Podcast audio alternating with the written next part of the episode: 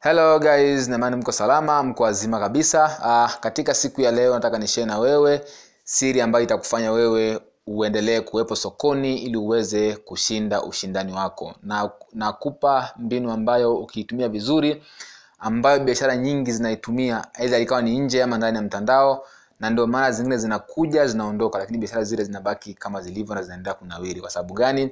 Nataka leo nikupe mbinu ambayo wanaitumia na kwa nini wanazidi kunawiri kila siku katika biashara zao. Na wewe ukiitumia haijalishi biashara yako ni ndogo ama ni kubwa au ni ndani ama nje ya mtandao basi ukitumia mbinu hii au ukitumia uh, principle hii itakusaidia sana wewe kuweza kubaki sokoni.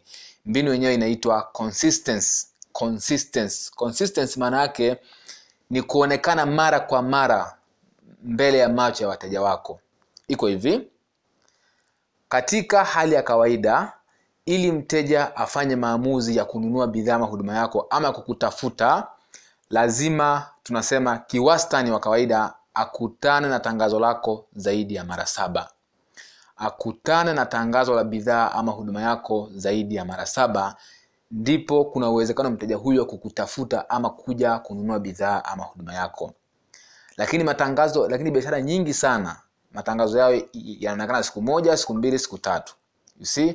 Lakini ukitaka ufanye vizuri zaidi sokoni hakikisha biashara yako inaonekana kila siku au mara nyingi zaidi kwa, kwa wateja wao kwa sababu gani? Kwa sababu siku hizi wateja wanakutana na matangazo ya kila aina. Tangia wanapoamka asubuhi mpaka, mpaka usiku matangazo ni mengi sana you see? Kwa hiyo kitu ambacho kitafanya wewe uendelee kuwepo vichwani mwa wateja au endelee kuwaza wewe ni pale tu utakapoweka nguvu kubwa kwenye ku, ku, kupromoti matangazo yako na kuonekana mara kwa mara. Haijalishi ni nje ndani ya mtandao.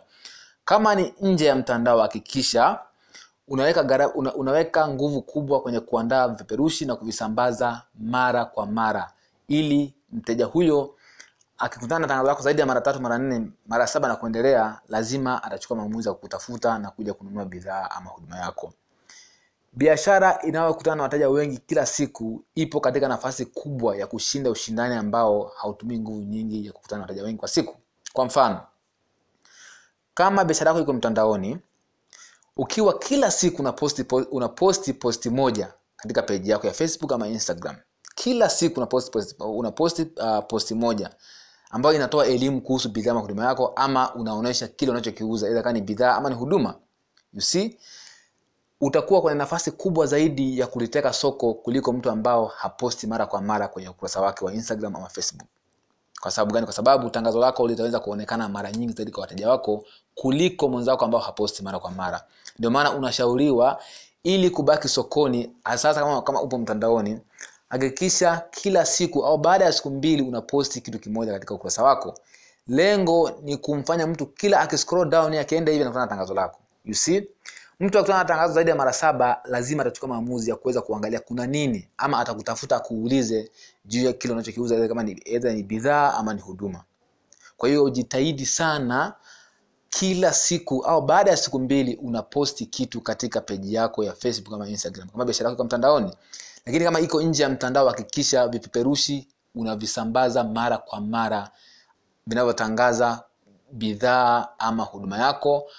Inatatua tatizo gani you see? Yani vipeperushi lazima viwafikie wateja wako kila siku au mara nyingi zaidi ili uweze kuwa akilini mwao mara kwa mara na uweze kuwaza wewe kuliko washindani wako. Kwa hiyo basi biashara nyingi sana zinazokuja zinapotea ni kwa sababu hawajajua mbinu hii ya kuwa consistency lakini biashara ambazo zimeshajua mbinu hii ndio maana zinabaki sokoni kila siku. Kwa sababu gani? Kwa sababu zinawafikia wateja wengi kwa siku. Na biashara mtandaoni kama nilivyowaambia kama hujalipia matangazo huwezi kuona faida yake kwa sababu hutawafikia watu wengi. Kwa hiyo basi kwa leo nataka niongelee tu kuhusu consistency. Hakikisha unawekeza kwenye matangazo. Matangazo sio sio sio sio gharama. Upotezi pesa zako hapana. Unawekeza. Ndio maana makampuni au biashara zingine zinatumia pesa nyingi kwenye matangazo kwa sababu kwa sababu wanaamini kwamba wakiwafikia wateja wengi zaidi kwa siku au kwa wiki au kwa mwezi watakuwa kwenye nafasi kubwa ya kuuza bidhaa ama huduma zao katika siku za usoni au siku za karibuni zaidi kuliko mshindani wako. Kwa mfano kama wewe na mshindani wako mnauza bidhaa moja then wewe kwa siku ukawafikia wateja elfu mbili lakini mwenzao kwa siku ukawafikia wateja mia tano wewe una uwezekano wa kukaa sokoni muda mrefu kuliko mwenzao. Kwa sababu gani? Kwa sababu unawafikia watu wengi zaidi kuliko yeye. You see? Kwa hiyo jitahidi kuwekeza kwenye matangazo onekana hata kama hulipii matangazo lakini jaribu kuonekana au kuposti mara kwa mara juu ya kile unachokiuza kama ni bidhaa ama ni huduma ili watu kila wanapo scroll down kwenye, kwenye mitandao yako wakutane na tangazo lako. You see? Kwa hiyo jitahidi sana uwe active. Ndio cha msingi. Yaani kuwa active mara zote kwenye mtandao. Kama biashara yako iko mtandaoni kuwa active. Kama biashara yako iko nje ya mtandao hakikisha unawekeza nguvu kubwa kwenye kuitangaza biashara na mbinu ya kukua ni kuitangaza biashara yako kama hutangazi biashara hapo tayari upo kwenye kitu ki- ki- ah, kinachoitwa Kevin Costa. Kevin Costa maana yake wanasema nikianzisha watakuja, na hii ni sababu mojawapo ambayo inaua biashara nyingi sana nje ndani ya mtandao. Wanaamini kwamba ukifungua biashara wat- wateja watakuja wenyewe. Hapana, muda au wakati wa bidhaa kujiuza wenyewe umeshapita. Kwa sababu gani? Kwa sababu wateja wanakutana na bidhaa nyingi kuanzia unapoamka asubuhi mpaka usiku, hivyo kuwaza kuhusu bidhaa yako itakuwa ni ngumu sana kama huwekezi kwenye matangazo. Kwa hiyo jitahidi kutangaza bidhaa yako ama huduma yako mara kwa mara. Weka nguvu kubwa kwenye kuitangaza bidhaa ama huduma yako ili wateja wakujue wewe ni nani na unafanya kitu gani. Wateja huwa hawana muda wa kuwaza mtu ambaye hawamuoni mara kwa mara au hawamsikii mara kwa mara.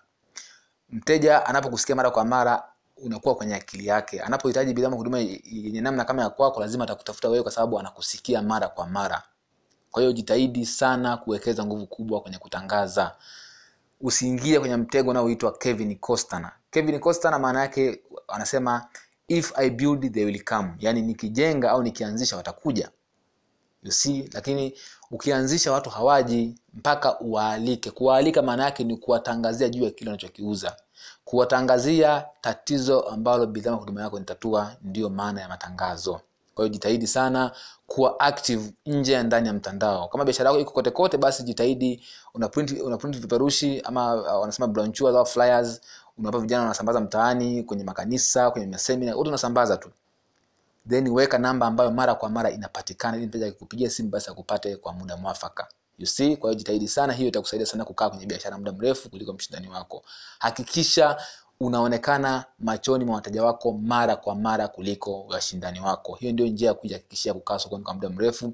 Katika soko la sasa lenye information nyingi na taarifa nyingi na ushindani mkali kwa sababu biashara ni nyingi zinazofanana. Hivyo njia sahihi ya kujihakikishia kukaa sokoni ni kuonekana machoni mwa wateja wako mara kwa mara kushinda mshindani wako. Wekeza nguvu kubwa sana sana kwenye kuposti. Kama mtandao wa kijamii kama ni nje ya mtandao basi matangazo yawe mara kwa mara kwenye vipeperushi ama flyers mbalimbali ili wateja wako wafikiwe kila siku na wajue wewe unafanya kitu gani.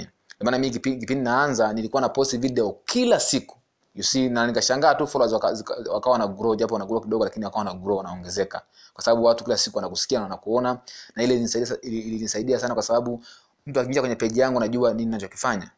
You see kwa hiyo jitahidi sana kuwekeza nguvu kubwa kwenye frequency tunasema consistent be consistent. Yani onekana mara kwa mara machoni mwa wateja wako itakusaidia sana kushinda ushindani na kuwafikia wateja wengi zaidi kwa wakati mdogo na utauza sana bidhaa zako ama huduma kuliko washindani wako. Asanteni sana